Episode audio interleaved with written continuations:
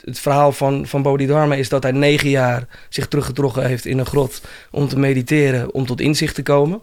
Uh, en dat is de basis van, van Zen geworden. Uh, dus dat is ja, eigenlijk gelijk.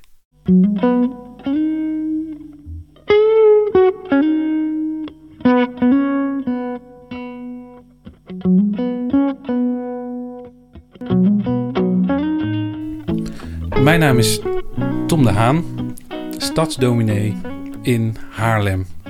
Namens of voor verbonden aan de protestantse gemeente Haarlem. Ik vind het heel leuk en ook wel, nou, ik ben heel, heel benieuwd, want ik mag in gesprek met Ronald Saarloos. En daar moet ik even een kleine introductie voor geven. Het was denk ik een jaar of zeven geleden dat ik met een collega begon met stilte-meditaties in de BAVO. Um, die stilte-meditaties groeiden al snel uit tot een idee van stadsklooster. Nou, dat is eigenlijk gegroeid de laatste twee jaar onder leiding van Judith van der Wild als projectleider van het stadsklooster. Tot het stadsklooster waar je nu steeds vaker die borden van ziet hangen in de stad. Met stilte, schoonheid en aandacht. En ik denk dat het ook een, ja, is het alweer twee jaar geleden of een jaar geleden, weet ik niet meer precies dat Judith naar me toe kwam en zei: hey, er is eh, iemand van het uh, Shaolin Centrum in Haarlem Noord. Die heeft die stilte meditaties gezien en die vindt het heel tof. En die vraagt of die ook mee kan doen daarin. Ik dacht, nou, wat een mooi idee. Weet je wat, wat, tof. En zo kwam dat we ook als stadsklooster vertelden van nou, vanaf nu af aan is er ook stilte meditatie, maar ook zen meditatie. Uh, en dat stond ook op de poster. Tot, en ik weet niet eens meer wanneer, ik de naam zag, Ronald Saarloos. En denk, dat is toevallig, die naam kom je toch niet heel vaak tegen. En ik ken twee mensen, Peter en Wil Saarloos. Uh, dat zijn echt die beetje iconische figuren voor mij voor de ontmoetingskerk, waar ik ook aan verbonden ben. En wat blijkt, Ronald Saarloos is de zoon van Peter en Wil. Ronald Saarloos is de man van het Shaolin Centrum. En nu eindelijk zit ik tegenover je en ja, zit ik te popelen om je te vragen hoe heeft jouw weg er eigenlijk uitgezien en wat drijft je in waar je mee bezig bent? Ja, ik zit even te denken waar ik het beste kan beginnen. Maar inderdaad, ik ben uh, geboren Haarlemmer. Uh, dus inderdaad ook opgegroeid in, in, in Schalkwijk. Uh, inderdaad, Schalkererf en de Ontmoetingskerk. ook regelmatig geweest. nooit verplicht. altijd eigenlijk vrijblijvend. Uh, daardoor wel heel veel meegekregen, zeg maar, van uh, het, het, het, de religie. Uh, ja, maar verder eigenlijk niet per se op die manier heel veel mee gedaan. Het zit er wel, maar niks met druk, alles, alles ontspannen. En daar denk ik ook wel heel veel van meegekregen achteraf. Ehm, niet zozeer bewust op dat moment. Ehm, ja, ik heb op de een of andere manier altijd interesse gehad in martial arts. Ik denk dat het ook de periode geweest is uh, waarin ik een jaar of 12, 13, 14, 15 was. Uh, in die periode was er ook heel veel op tv, series, films en dat soort dingen. Karate Kid, uh, ninja-series en dat soort dingen. Waardoor je toch getriggerd wordt, hè, dat je interesse daarvoor gewekt wordt. Uh, en het, grappige is ook nog dat uh, uh, een deel van mijn familie de familie Powell is. die een judo-school heeft gehad, een grote judo-school in, in Haarlem. dus daar heeft ook nog wel een stukje ja, martial arts achtergrond ingezeten. Alleen het judo sprak mij niet zo heel erg aan. ik heb ook nog karate geprobeerd, taekwondo en dat soort dingen. En dat is allemaal maar tijdelijk geweest. Ehm, en mijn interesse ging eigenlijk altijd naar kung fu. Alleen uh, kung fu zelf werd niet heel veel gegeven in Haarlem. Of eigenlijk gewoon helemaal niet. En in die tijd was het denk ik ook nog wat lastiger om iets te vinden. Momenteel kan je het internet op en je kan precies uitzoeken wat er aangeboden wordt in je stad. En in die tijd was het, ja, je moet mazzel hebben dat het op je pad komt. Uh, uiteindelijk ben ik me heel erg gaan focussen op skateboarden. Dat staat natuurlijk ja. eigenlijk los van die martial arts. Maar dit is op een gegeven moment weggegaan toen ik erachter kwam dat er in de buurt kung fu les gegeven werd. En daar ben ik eigenlijk mee begonnen en dat heb ik nooit meer losgelaten. En dat was in Schalkwijk? Of? Ja, dat was in Schalkwijk, ja. ja. En um, ja, van daaruit is eigenlijk dat allemaal doorgaan rollen. Uh, martial arts wordt altijd al genoemd als iets wat ook um, ja, iets religieus is. Of in ieder geval zowel fysiek en mentaal is. Uh, en dat is in het begin iets waar je misschien niet bewust van bent, maar naarmate je er echt langer mee bezig bent en dieper ingaat, kom je er steeds meer achter dat er wel degelijk echt een link is. Ehm, omdat je bezig bent met het veranderen van jezelf fysiek. Maar daar moet je ook mentaal zeg maar aanpassingen in doen. Uh, dus ja, van het een is een beetje het ander gekomen. Uh, na een hele tijd een bepaalde stijl gevolgd te hebben, ben ik overgegaan naar Shaolin. Uh, wat heel erg bekend is om de kung fu, maar eigenlijk van oorsprong uh, een boeddhistisch klooster is. Ehm, wat 1500 jaar geleden gebouwd is. In China ook, ja. Ja, in China. En uh, omdat er een, een, een Indiaanse monnik was, Bato, die vanuit de keizer opdracht kreeg uh, om de boeddhistische sutra's, de geschriften, te vertalen naar het Chinees omdat er toen een hele grote interesse was in boeddhisme. Uh, Confucianisme en Taoïsme was op dat moment eigenlijk wat er in China leefde. En boeddhisme nog niet zozeer. Maar de keizer op dat moment wilde heel graag dat er uh, meer bekend werd over boeddhisme. Dus daar is een, uh, een tempel voor gebouwd, een plek voor gebouwd... die eigenlijk oorspronkelijk bedoeld was voor het vertalen van, van sutra's geschriften. Om eigenlijk meer ja, die denkwijze te verspreiden. Um, als grondlegger van Zen wordt gesproken over Bodhidharma. Uh, maar het lastige is met uh, deze geschiedenis dat er in die tijd natuurlijk wel wat opgeschreven werd, maar het is hoofdzakelijk mythe en folklore. Uh, dus Bodhidharma wordt aangeschreven als de grondlegger van Zen, maar het is nooit 100% nee. ja, te bewijzen. Ja. En voor hem wordt ook gezegd, als je kijkt in een heleboel verhalen, dat hij ook kung fu geïntroduceerd heeft in de tempel daar. Maar dat is heel twijfelachtig. Dat is waarschijnlijk niet, ja, niet waar. Nee, je weet niet of het klopt. Ja, dat klinkt ook. Dat moet, hoor nog mijn professoren zeggen over de Bijbel. Het valt niet met zekerheid te zeggen. En ja. er zit ook een groot mysterie in. Maar de praktijk was dat dat kung fu ook daar werd beoefend. Ja, en dat is ook uh, iets waar we waarschijnlijk, ja, waar we eigenlijk alleen maar naar kunnen gissen. Wat nou echt het is. Dus er zijn daar ook meerdere ideeën over.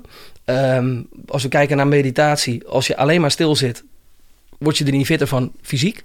Mentaal wel, maar fysiek uh, ja, word je er niet beter van. Als je alleen maar zit en je doet niks, word je steeds zwakker en zwakker en zwakker.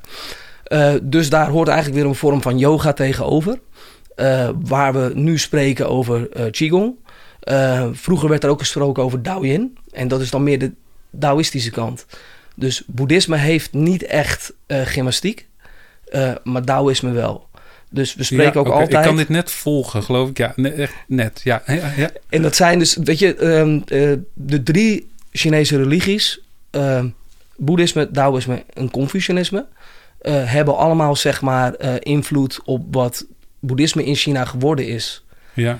Ehm, en nou probeer ik eigenlijk wel een beetje structuur erin te houden. Ja, maar dit is een groot veld, hè? Dit, Precies. Je beeld, je, en dat maakt het wat lastig om uh, een duidelijke uitleg te geven hierover omdat het heel breed is en ja, niet voor iedereen inderdaad de termen die ik gebruik Zoals, heel duidelijk is. Ik kan niet in Haarlem uitleggen waarom we 40 verschillende kerken hebben, bijvoorbeeld. Kun je nagaan over hoe je voor heel China zou kunnen zeggen. Precies. Maar wat ik je hoor zeggen is, eigenlijk vier. Dus je, ik bedoel, onze kinderen zijn nu uh, zes en acht en we denken nou over zou judo niet goed voor ze zijn, weet je. Dat is een vraag die voor ons helemaal los staat inderdaad van kerk of uh, van je, jij bent ook eigenlijk via het fysieke, via de interesse voor martial arts binnengekomen. Daar ligt je verbinding eigenlijk. Ja. En dan vervolgens merk je ook dat er een verhaal achter die bewegingsleer, ja, als je het zomaar samenvat zou Klopt, zetten. Ja. Terwijl we in de kerk juist ook heel vaak zeggen dat we veel te weinig aandacht hebben voor het lichaam. Weet je, we, af en toe staan en zitten we nog. Ja. maar het is mooi om te horen hoe je daar ja, mee in aanraking bent gekomen. Is het voor jou ooit een, um, een spanning geweest? Want voor mij is de kerk heel lang de plek van mijn ouders geweest, bijvoorbeeld. Dat is zoiets waar je heen ging. Nee, ik denk het niet. Nee, want wat ik al zei, ik ben uh, ja, denk redelijk vrij opgevoed om te kiezen wat ik, wat ik zelf wil. Daar zit niet zo'n. Er is geen oordeel over. Nee. Er is dit, nee, ik word daar niet in beperkt, dus daar zit ook geen spanning nee, op. fijn. Dus het is ook niet dat... Nee, daar, daar heb ik nooit, nooit problemen Nee. mee gehad. Nee. En merk je nu dat je dan wel in het veld van... Dus via dat stadskloosterverhaal... merk je eigenlijk de, hoe je ook in het veld van religie terecht bent gekomen. Wat in Nederland een heel bijzonder veld is... omdat we daar best wel op een bepaalde manier over nadenken. Voor veel in Nederland hebben we heel erg dat idee van eh, dat het iets is wat je zelf moet kunnen kiezen ook. Mhm. Ja, en zeker. En zo zie ik jou dan ook misschien in eerste instantie ook. Dat je denkt, oh, je kunt ook andere dingen kiezen. Eh, terwijl ik het dan zo mooi vind dat we juist via die stilte elkaar ja, op elkaars pad zijn gekomen. Ja, de connectie daarin. Ehm, het ding is, je hebt eh, ook een religieuze kant van het boeddhisme, maar ook een atheïstische kant van Oh. het boeddhisme. Eh Boeddha is geen god, het is een, eh, een, een, een mens. Hè? En dat is ook een beetje eh, de symboliek daarin, denk ik. Iedereen kan die verlichting bereiken, de mentale vrijheid bereiken. Dus daar zit niet per se een, een godheid in, als je het naar die kant bekijkt. Eh, er is natuurlijk wel ook een religieuze kant ehm, van zowel Taoïsme als, als Boeddhisme in China. Ehm, met mensen die echt heel strikt zijn eh, in die re- religieuze kant. Mijn ervaring is eigenlijk met alle monniken waar ik contact mee gehad heb, dat het zuiver iets atheïstisch is. Ja, Eh, ja atheïstisch in heel letterlijke zin. Er is geen god. Daar, ja, daar draait het niet om. En, Nee, en ja. daar is mijn idee van iets wat ik niet kan bewijzen. ehm, probeer ik me ook niet te veel mee bezig te houden. Ehm, eh, omdat, ja, het, idee is zo, eh, vanuit een boeddhistisch idee, ik wil proberen eh, voor mezelf ehm, zo scherp mogelijk te blijven. Hè, en zo bewust mogelijk te blijven van wat ik doe. Maar daardoor dat ook te zijn naar andere mensen. Dus op het moment dat ik me oké ben met mezelf, kan ik dat ook zijn naar andere mensen. En dan is er eigenlijk niemand die daar boven zit die zegt van oké, je moet je zo gedragen, want. Dus dan zijn de regels die er zijn, of eigenlijk de richtlijnen die er zijn, hebben geen, eh, geen verplichting. Nee, Omdat je zelf eigenlijk moet kiezen van oké, is dit een goede keuze? En op die manier de hele tijd ermee bezig zijn. dat bewustzijn creëren. Eh, mooiste uitspraak daarin vind ik dat we mogen niet verantwoordelijk ervoor zijn dat een ander geen Boeddha kan worden. En als je Ja. daar zelf bewust mee bezig bent, met zorgen. eh, op het moment dat iemand jou iets, iets, eh, iets zegt wat je niet prettig vindt, kan je daar een dag, twee dagen, een week desnoods, misschien drie weken of langer mee bezig zijn. Daar wil je niet verantwoordelijk voor zijn nee, dat je dat bij iemand aanricht. ja, Dat hij zo lang eigenlijk van slag is of zichzelf niet prettig voelt. Dus zodra je zelf snapt hoe het is om daar vrij van te zijn, doe je dat ook niet zo snel bij een ander. nee. Dus als we er op die manier naar kijken, eh, hebben we dezelfde strekking, maar zonder dat we naar bewijs zoeken van iets wat, eh, ja, wat, wat groter is. Of wat, Ja. Nee, dat, dat, ik hoor dan alles inderdaad. Dus de, want dan is het ook de vraag, wat versta je onder religie? En, en is, het, is het... In Nederland denken we heel vaak dat het spreken over God is, religie. Dus dat, je meningen en opvattingen daarover hebt.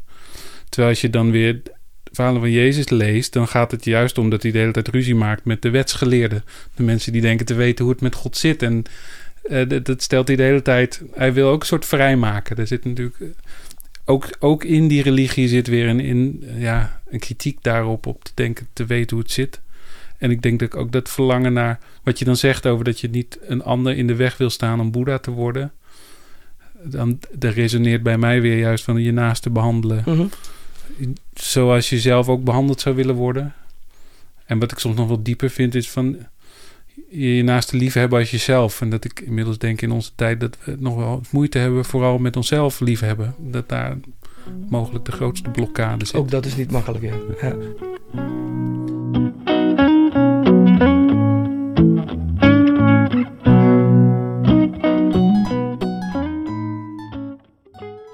We zitten in deze podcast in het kerkelijke jaar. Het hele jaar maakt een beweging eigenlijk. En mo- moest ik aan denken, omdat we maakten een afspraak om elkaar te spreken. En toen zei je, ja, niet de week, niet de afgelopen week, die is heel druk vanwege het Chinese nieuwe jaar. Ehm, maar waar ik heen wil, is dat juist in, die, nou, in dit jaar waar we kerkelijk gezien in zitten, is dit de tijd van de 40 dagen tijd. En deze podcast staan daar ook een beetje in dat teken. En dat verhaal zul je dan ook als kind hebben meegekregen van hoe, hoe er een volk in Egypte, een slavenvolk is met de farao en de tien plagen. En dat slavenvolk notabene, dat wordt bevrijd. Dat vlucht weg op een wonderbaarlijke manier. Maar vervolgens komen ze in de woestijn. 40 jaar lang, vertelt het verhaal. Uh, nou, en die 40 dagen tijd nu is natuurlijk een... verwijst naar die 40 jaar in de woestijn. Maar het verwijst ook naar het verhaal over Jezus... dat voordat hij eigenlijk aan zijn publieke optreden begint... gaat hij ook de woestijn in en dan 40 dagen. Want anders waren we hem 40 jaar kwijt geweest. Uh, dan had het verhaal misschien anders gelopen. In de hoop, dat is dan het verhaal van het volk in de woestijn... dat je ooit in een beloofd land aankomt. En daar zoeken we eigenlijk... Daar, in dat verhaal zitten zoveel thema's... van de dingen waar je aan verslaafd bent. Kan heel letterlijk zijn, die je verslaafd houden de weg van bevrijding gaan, hoe onmogelijk dat kan lijken. Soms vind ik zelf nog het mooist dat als je dan eenmaal bevrijd bent, dan kan het best zijn dat je in de woestijn bent. Dat je denkt, waar ben ik dan? En dat jou vraagt, waar ga ik heen? Nou, van al die thema's in dat verhaal, is er iets waar jij, als je nu kijkt waar je bent en de weg die je hebt afgelegd, ik bedoel, waar, wat zijn de dingen die je blijven haken bij jou? Mm, als ik je in dit verhaal uitnodig, zeg maar. Ja, precies. Nou, op het moment dat je erover begon, dacht ik, oh nee, dat, kan ik me niet herinneren. Maar toen je het ging vertellen, klopte het wel. Dat herinner ik me inderdaad wel. Um, dus dat is ook niet iets waar ik de afgelopen jaren uh, bij stilgestaan heb, denk ik. Uh, maar er zitten natuurlijk wel heel veel raakvlakken in. Uh, het, het, het, verhaal van, van Bodhidharma is dat hij negen jaar zich teruggetrokken heeft in een grot om te mediteren, om tot inzicht te komen. en dat is de basis van, van Zen geworden. Eh, dus dat is ja, eigenlijk gelijk. Uh, het, hetzelfde idee dat uh, het, het, het, helemaal vrij worden van iedere connectie, nou ja, inderdaad je verslaving en dat soort dingen. Ja, het loslaten daarvan is natuurlijk super moeilijk. Ja, dat is ook het klooster, hè, bedenk ik. Nu ja. toch een ruimte waarin je dat, als bij gebrek aan woestijn... ja, een, een, een klooster, een grot. In China zijn het vaak grotten. Er okay. zijn nog genoeg ehm, monniken die zich terugtrekken in de, uh, in de bergen. Om, om eigenlijk gewoon helemaal uh, ja, vrij te zijn. Sommigen blijven daar ook. Heeft jou uh, dat aangetrokken? Nou, nee. Want weet, um, ik denk voor mij is het stukje martial arts wat mijn beoefening is. Um, en, en daar wordt ook vaak zit een misvatting op. Want en dat is natuurlijk het complexe. Um, boeddhisme en vechtkunst, vechtsport, is eigenlijk helemaal geen match. Dat is iets, iets raars. Dat, dat, uh, er zit eigenlijk een hele rare, rare verbinding tussen.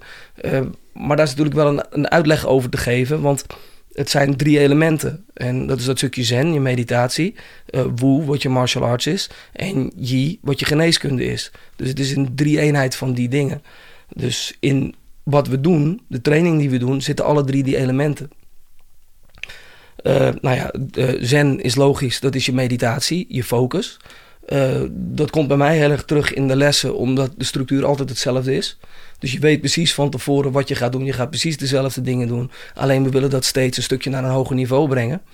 En ook loslaten dat we geëntertained willen worden met... oké, okay, dan gaan we weer wat nieuws doen. Ja. En wat is het hoger niveau? Hoe zou je dat omschrijven? Um, ja, steeds bewuster worden van wat je doet. Um, Verdiepen ook. Ja, Ik, ik leg het eigenlijk altijd zo uit dat in het begin moet ik het aansturen vanuit mijn gedachten. Dus dan moet ik onthouden, oké, wat ben ik aan het doen? Deze beweging, die beweging. En dus dat wordt gestuurd vanuit, vanuit mijn, uh, mijn brein, mijn hersens. Uh, naarmate we langer dat doen, neemt het lichaam die beweging over. Dus dan overkomen de bewegingen, die gaan vanzelf. En dan heeft het brein tijd om te ervaren te voelen. Dus dan draaien we het eigenlijk om. De bewegingen gebeuren en opeens heb je de tijd uh, om bewust te zijn van... oké, wat zijn de details nu die ik wil, doe ja. in de bewegingen. Dat is het inoefenen, zeg maar, en de, uh, en de herhaling ervan, de discipline ook. Ja. Ja. Dus eigenlijk ook weer gewoon iedere dag zeggen... oké, ik ga dit iedere dag weer doen om die verdieping te vinden. Die verdieping kan niemand je uitleggen. Daar kan je een poging te doen... maar door het te doen, op een gegeven moment denk je... oh, oké, okay, ah, nou snap ik wat de bedoeling is. Maar als ik dat zou proberen uit te leggen aan iemand onder woorden brengen, dat kan niet.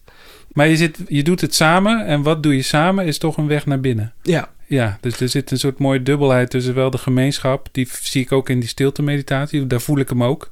Iedereen is zelf stil. Ik weet ook niet wat mensen beweegt. Samen alleen. Maar je doet het samen alleen. Wat toch heel anders Ja. is dan alleen alleen. Ja. Eh, Ja, dat, dat, maar dat samen alleen is ook zo'n... weet je, ik, toevallig zei ik het gisteren nog bij de jeugdleg. We doen het samen. We doen het samen, maar eigenlijk moet je bij jezelf blijven. Ze doen iets in een groep. Als we bewegingen doen, eh, vorms doen, touwloes doen... doen we het in een groep. Maar je moet bij jezelf blijven. Want als je de hele tijd spiekt bij een ander, leer je niks. Nee. Voel je niks, ervaar je niks. En dat is natuurlijk met alles. Als je de hele tijd je informatie bij een ander haalt, ontdek je niks. Heb je alleen maar tweedehands kennis die, eh, ja, die, die niet bij jou vandaan komt. Eh, ja, je kunt het niet is- opleggen. Nee, mij is ook uitgelegd als, als boeddhist, als iemand iets, iets vraagt aan je, dan geef je antwoord. Maar je zal nooit tegen iemand zeggen van, weet je wat jij moet doen? Eh, Dat, zo werkt het niet, want iemand moet eraan toe zijn. Als de vraag er niet is, heb je niks aan het antwoord.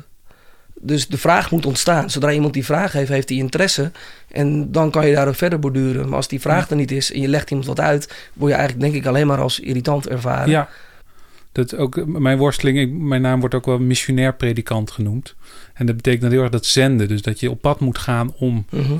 Terwijl men, dat, dat, dat werkt niet. Dat Nee. kan niet. Nee. Het is, geen, het is gewoon geen. Ik merk hoe het benauwt me gewoon als mensen dat van mij verwachten. Dat ik mensen ga opzoeken om Mhm. ze iets te vertellen of zo. Dat ik denk, ja, maar ik kan eigenlijk alleen maar mijn werk doen als mensen op mij afkomen en zeggen: hé, hey, ik heb een vraag. Ja. Eh, Ja, dat is ook wat ik doe met mijn meditatie. Ik zeg ook, ik faciliteer. Ik ben er niet om mensen uit te leggen... dit is boeddhisme, dit zijn de basisregels en dat soort dingen. Dus ik probeer alleen mensen de, de mogelijkheid te geven om te zitten... te voelen, te ervaren. En dat is ook Ja. wat ik uitleg. Eh, dus ik zal ook niet zo snel een, een, een boeddhistisch verhaal vertellen... een achtergrond erbij. Het is zuiver alleen het zitten, het ervaren. Dus ik faciliteer de ruimte waar de rust is, waar de mogelijkheid is. ja, En niet zozeer eh, eh, een stukje boeddhisme daarbij willen eh, toelichten en mensen daar naartoe trekken. nee, en tegelijkertijd ben je leraar. Dus je vertelt wel degelijk veel dingen. Ja, Ja. dat is een mooie, dat is een mooie spanning ook. Ja. Ja, en, en ook wel weer ingewikkeld. Ja. Weet, je, weet je, ik vind ook als ik als mensen eh, na de meditatie, eh, ik weet niet wat er speelt. Dus ik kan wel proberen wat pijltjes te gooien en hopen dat ik iets raak. Maar dat, dat vind ik ook lastig. Ik heb liever dat iemand een gerichte vraag aan me stelt. En dat ik dan vanuit mijn ervaring daarop kan reageren. ja, eh, om daarvan te zeggen: oké, maar dit is wat ik ervaren heb. En misschien kan je daar iets naar die kant gaan. Er, is natuurlijk, er zijn allerlei teksten waar je allerlei informatie uit kan halen. En dat is wel grappig. Ik zag laatst ook een interview met een monnik die ergens in de bergen leefde. eh, die ze eigenlijk wilde triggeren tot het vertellen van iets. En die zei ook: ja, alles is al gezegd en geschreven. Wat is mijn toevoeging? Eh, het is er allemaal. Dus als je iets wil, eh, dit soort dingen wil hebben, ja, ik kan je naar dat verwijzen en dat verwijzen. Maar dat is het. ja, Dus je had niet zoiets van: ik ben niet belangrijk genoeg om, om, om daar ja, heel wijs over te doen. ja, Er is genoeg. In iedere oude boeddhistische tekst staat ook dat er eh, nou, ontelbare methodes zijn om hetzelfde te bereiken. Dus niet iedereen moet dezelfde, hoeft dezelfde weg te volgen. En dat is eigenlijk, ja, dat vind je daar eigenlijk overal in terug. En hoe zou jij het doel, ik bedoel, in het beloofde land, waar hoop je op uit, waar hoop je uit te komen? Ik bedoel, denk ik dan aan, moet ik dan aan verlichting denken of moet ik aan, hoe zou jij dat omschrijven? Ja, het wordt vaak wel omschreven als verlichting, maar ik denk dat verlichting, ja, ik, ik vind het heel ingewikkeld om daar nou iets, iets zinnigs over te zeggen. Ehm, ehm, zowel mentaal als fysiek vrijheid. Dus dat je je niet beperkt voelt.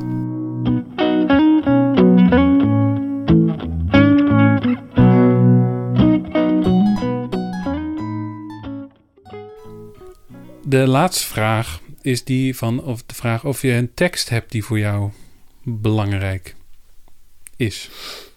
Ja, daar heb ik ehm, de afgelopen dagen wel mee geworsteld. Eh, die heb ik zeker wel. Ehm, en eigenlijk de meest eh, voor de hand liggen, liggende is de Hart Sutra. Alleen ik lees alles in het Engels. En er staan een heleboel ehm, ja, verwijzingen in die best wel complex zijn. Eh, omdat dat ehm, in het Sanskriet is. Ja, En daardoor wordt het heel complex om die tekst uit te leggen. En die tekst is ook best wel lang. Ik trek heel erg naar een één schrijver toe. Eh, en dat is Bill Porter. Eh, dat is een Amerikaan die heel lang in China heeft gezeten. Ik vind het altijd prettig om eigenlijk iemand die onze cultuur kent en heel erg zichzelf ondergedompeld heeft in de Aziatische cultuur, eh, om daar dingen van te lezen, want die kent beide kanten. Dus ik heb uh, een kortere tekst meegenomen, ook in het Engels, ook door hem vertaald. Uh, en die komt uit de Sutra van Huneng. en ja, kort uitgelegd, ehm, Huneng was een, een, boerenjongen die ongeletterd was en op een gegeven moment over boeddhisme hoorde. En daar zijn interesse in gewekt was, naar een klooster is gegaan. En daar eigenlijk ja, in de keuken werd weggemoffeld. Zo van, nou, ga jij maar daar naartoe. En door, uiteindelijk door de uh, abt van die tempel aangewezen wordt als zijn opvolger. En het verhaal is eigenlijk, er zit heel veel symboliek in. ik zal daar niet verder te diep op ingaan. Maar dus eigenlijk laat het zien, die hele sutra laat eigenlijk zien... dat je niet heel ehm, dat het niet heel ingewikkeld hoeft te zijn om toch jezelf goed te ontwikkelen. En, en dat is een beetje het, uh, ja, het idee erachter. Het is een langere tekst, maar ik pak even een, uh, een klein stukje ervan. Uh, nothing that exists is true. Don't think seeing makes it true. If you think you see what is true, such a view is utterly false. If you would possess what is true, the mind free of falsehood is true. Unless your mind is free of falsehood, wherever you look, nothing is true. En dat is eigenlijk het eerste stuk ervan. Er zijn nog meerdere coupletten, zeg maar. Maar dit vond ik eigenlijk wel gewoon uh, ja, de lading dekken. Ja, en wat spreekt jou daarin aan? Um, omdat het eigenlijk zegt dat hetgene wat we horen, zien, voelen, ruiken, uh, ons brein maakt daar een eigen perceptie van. Dus als wij allebei hetzelfde zien, ervaren we niet hetzelfde. Dus iedereen heeft zijn eigen realiteit. En uiteindelijk moeten we proberen te komen naar wat is nou de werkelijkheid? Wat, wat is nou, wat, is echt? En dat merk je, ik denk dat het momenteel heel uh, actueel is. Helemaal door corona. De mensen die opeens uh, een hele andere mening hebben over dingen. Hm. En allerlei dingen zien uh, op een hele andere manier. Ja, dat we die werkelijkheid ook nog moeten delen. Mm -hmm. Ja. En wat ook ja. te maken heeft met je opvoeding. Want wij, ja, mijn idee is dat wij kunnen niet dingen die we nooit gedaan hebben, nooit ervaren hebben, daar kunnen we niks mee.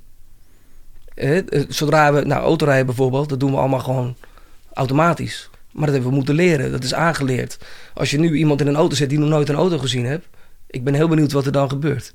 En dat is eigenlijk een, denk een, een, een simpel voorbeeld. als je echt gewoon nog nooit een auto gezien hebt en je zet een mens daarin, dan heeft hij geen idee wat voor apparaat het is. Ja. ja, het helpt je dus ook om de ander, om ruimte te maken voor de ander, deze gedachte. Dankjewel Ronald voor de, deze ontmoeting en dit gesprek.